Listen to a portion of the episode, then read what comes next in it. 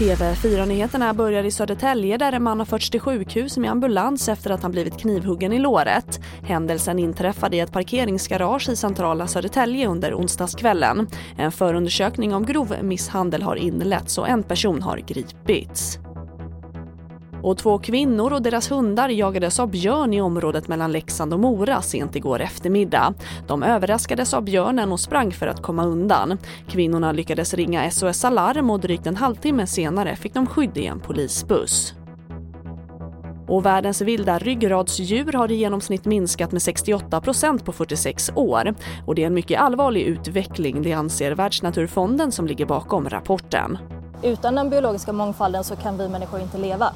Så det får konsekvenser inte bara för djur och natur utan också då för oss människor. För att vi är beroende av den biologiska mångfalden för ren luft och vatten och eh, pollinering av växter. Och det sa Louise Karlsson, biolog på Världsnaturfonden som också får avsluta TV4-nyheterna. Jag heter Charlotte Hemgren.